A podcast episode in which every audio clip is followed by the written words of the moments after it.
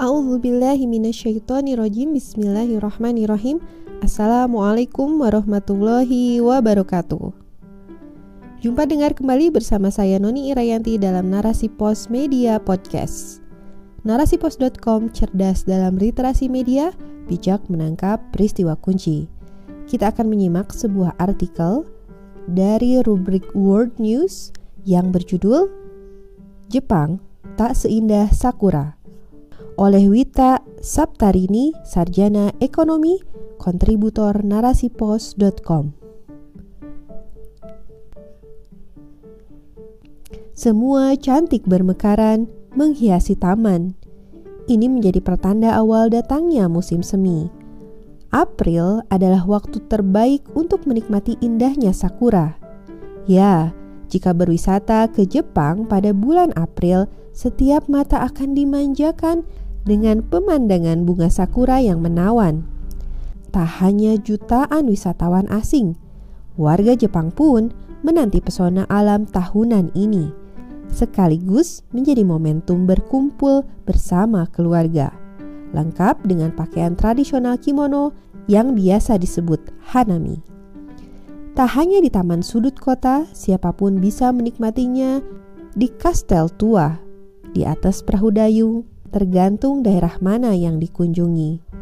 Tak heran, negeri Sakura menjadi salah satu julukan yang disematkan untuk negara Jepang.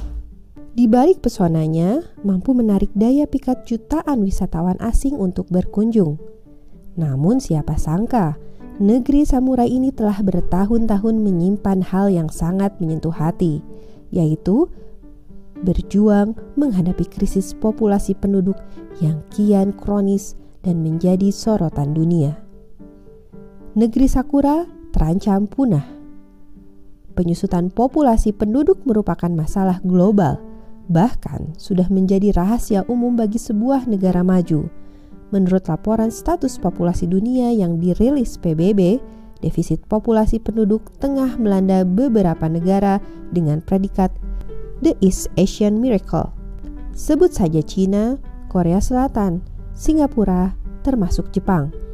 Negara dengan citra orang-orang yang energik, ekonomi pesat, teknologi tinggi, gemerlapnya jantung kota yang tidak pernah tidur, jutaan turis ternyata tak luput dari terjangan badai krisis populasi penduduk sejak tahun 1899 hingga menembus rekor terendah dan terancam punah.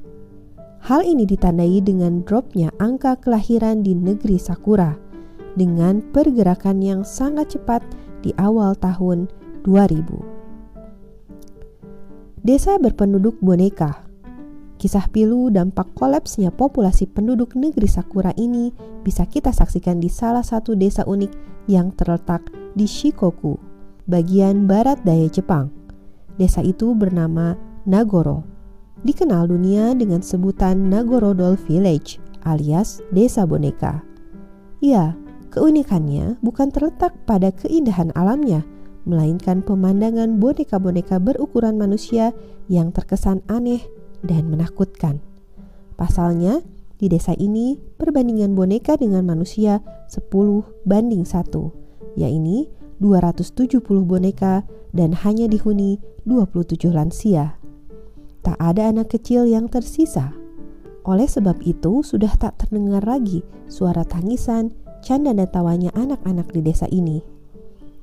Untuk mengatasi rasa sepi yang menyelimuti, seorang warga bernama Ayano mencoba menghidupkan kembali Nagoro. Ayano meletakkan boneka-boneka Kakashi di tiap sudut desa sesuai kegiatan karakternya, seperti bermain ayunan, duduk di teras, beraktivitas sekolah, menunggu di halte, bertani, dan lainnya. Boneka ini mempresentasikan warga yang telah meninggal dunia dan pindah ke luar kota. Keadaan di Nagoro pun direplikasi di beberapa daerah Jepang lainnya. Bahkan diberi julukan desa dan kota mati. Dengan putusnya generasi penerus, sekolah dasar di Nagoro pun telah ditutup sejak tahun 2012 hanya dengan meluluskan dua siswa terakhirnya tanpa seremonial kelulusan. 9.000 sekolah tutup gerbang permanen. dampak krisis populasi penduduk secara otomatis menghasilkan protes suram pada dunia pendidikan. Dilaporkan setiap tahunnya hampir 450 sekolah di Jepang terpaksa harus tutup gerbang permanen. Disebabkan tidak ada lagi murid, bahkan banyak yang telah beralih fungsi. Data terakhir tahun 2020 sudah ada 9.000 sekolah resmi ditutup. Belum lama ini sekolah menengah pertama Yumoto di Fukushima yang telah berdiri selama 76 tahun dikabarkan akan segera ditutup setelah kelulusan dua siswa yang tersisa. Suasana sekolah yang sepi telah dirasakan sejak mereka duduk di tingkat dasar. Tak ayal, hanya derap langkah mereka yang mampu memecah kesunyian lorong sekolah megah itu. Riuh ramai hanya dapat dikenang melalui deretan potret alumni yang terpajang di dinding sekolah. Sekarang di ruang kelas pun hanya ada meja, kursi, dan papan tulis yang menjadi saksi bisu. Faktor penyebab depopulasi Jepang Semakin anjloknya populasi penduduk dalam rentang 10 tahun terakhir menjadi pukulan telak bagi otoritas Jepang, dunia pendidikan, serta fungsi sosial bangsanya. Lantas apa yang menjadi penyebabnya? Perlu diketahui menurut data Japan Aging Population World Bank, Jepang menempati posisi tertinggi kedua setelah Manoko terkait proporsi penduduk lansia. Hal ini dipicu oleh biaya hidup yang tinggi, namun tidak sepadan dengan pendapatan dalam beberapa tahun terakhir. Alhasil, berimplikasi pada angka kelahiran yang rendah. Pasalnya menurut data UA Population Research, Jepang menempati posisi ketiga negara termahal di dunia untuk membesarkan anak. Kemudian, tingkat inflasi yang mencapai rekor tertinggi dalam kurun waktu 40 tahun terakhir. Alhasil, menambah beban hidup sehari-hari. Pemerintah Jepang pun melakukan survei terkait hal ini dan ditemukan faktor kompleks di baliknya. Di antaranya, ketidakstabilan finansial di kalangan muda, minimnya intensitas pertemuan sosial, peningkatan tren menunda kelahiran, fenomena child free, bahkan tidak ingin menikah sama sekali. Kemudian, faktor stres, kelelahan bekerja berujung pada tingkat kematian yang cukup tinggi turut berkontribusi. Sebab Jepang memiliki waktu bekerja terlama di dunia, terutama bagi wanita. Sistem kapitalisme pionir krisis demografi. Bila kita cermati lebih mendalam, sederet faktor yang disinyalir sebagai penyebab depopulasi Jepang justru merupakan implikasi dari penerapan sistem kapitalisme yang menjadi faktor radikal sesungguhnya.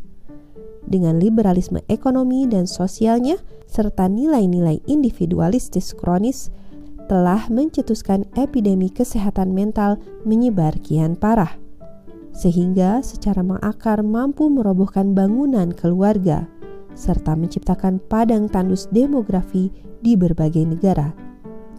Inilah cerminan negara dalam kendali sistem kapitalisme. Jepang pun tak seindah Sakura.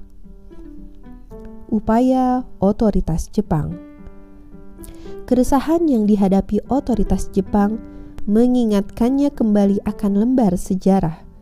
Pasalnya pada tahun 1941, Jepang memanfaatkan momentum fase demografinya untuk menyerang dan menguasai wilayah, seperti pengeboman Pearl Harbor, pangkalan angkatan laut terbesar milik Amerika Serikat, serta pertempuran Shanghai di Cina. Begitu pula saat terjadi serangan bom atom di kota Hiroshima dan Nagasaki pada tahun 1945 negeri samurai mampu memulihkan berkat potensi bonus demografinya. Kini Jepang menjadi negara dengan perekonomian terbesar ketiga di dunia. Oleh sebab itu, dalam beberapa tahun terakhir otoritas Jepang terus mendorong masyarakatnya untuk memiliki banyak anak dengan menjanjikan ekstra uang tunai serta intensif setelah kelahiran anak. Namun banyak masyarakat tidak tergugah Pasalnya, pendapatan yang cukup untuk menghidupi keluarga dinilai faktor yang jauh lebih berkontribusi dibanding berbagai intensif dan besaran uang tunai yang digelontorkan otoritas Jepang, mengingat biaya hidup yang besar. Hal ini menegaskan bahwa pemerintah Jepang telah menyadari bahwa bonus demografi merupakan investasi masa depan. Berdasarkan hasil proyeksi, akan ada pergerakan dua kali lebih cepat penurunan angka kelahiran tahun 2030.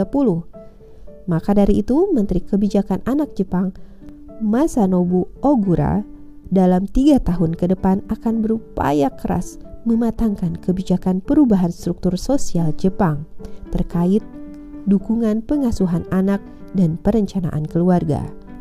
Menurutnya, meningkatkan income generasi muda dan mengharuskan wanita meninggalkan karir adalah esensi dari penanggulangan anjloknya angka kelahiran. Regenerasi aset berharga penerus peradaban. Dalam Islam, urusan anak bukanlah soal kalkulasi finansial, melainkan investasi akhirat – sebab ada korelasi kuat dengan pahala yang akan terus mengalir, baik untuk orang tua dan anak. Oleh sebab itu, memiliki anak adalah perintah Allah Subhanahu wa Ta'ala, kecuali jika adanya uzur. Maka, keputusan untuk memiliki keturunan atau tidak wajib disandarkan pada ridho Allah Subhanahu wa Ta'ala, bukan pertimbangan lemahnya akal manusia dan hawa nafsu. Dalam hadis yang diriwayatkan Imam Abu Dawud Imam Anasai, Imam Al-Baihaqi, dan Imam At-Tabarani bahwa Rasulullah Shallallahu Alaihi Wasallam pun memerintahkan umat Islam untuk memiliki banyak keturunan yang berkualitas karena merupakan kebahagiaan jika umatnya lebih banyak dibandingkan umat-umat lainnya. Islam menempatkan betapa terhormatnya peran ibu sebagai pencetak generasi pembangun peradaban Islam cemerlang sebab regenerasi dalam Islam berpotensi menghasilkan bonus demografi dan evolusi kependudukan yang berjalan alami. Artinya, ada fase yang akan dinikmati suatu negara sebagai implikasi besarnya proporsi penduduk usia produktif. Oleh karena itu, dianggap sebagai window of opportunity. Depopulasi dan badai disrupsi tidak akan terjadi bila Islam diterapkan secara komprehensif dalam institusi khilafah. Khilafah sebagai perisai akan menjamin ketahanan keluarga, kehormatan perempuan, dan kemuliaan generasi sebagai aset berharga bagi umat, serta penerus peradaban. Oleh karena itu, ajaran Islam merupakan obat mujarab bertahan di era disrupsi dan serangan tuntutan materialistis dengan prinsip yang tidak pernah usang dan selalu relevan bagi keluarga modern perlu dipahami di tengah era destruksi saat ini di mana segala sesuatu telah tercabut dari akarnya hingga langkah ekstrim sekalipun yang diambil penguasa dengan ideologi kapitalisme yang diembannya hanya akan mengantarkannya pada kebinasaan. Bila dianalogikan, pohon yang tercabut dari akarnya mustahil akan berbuah. Artinya, sudah saatnya menanam kembali dengan akar yang baru niscaya akan membawa kehidupan dan berbuah manis ini kembali pada ajaran Islam dengan menerapkan ideologi berdasarkan aturan dari sang pemilik kehidupan Allah Subhanahu wa taala. Wallahu. Wassalamualaikum warahmatullahi wabarakatuh.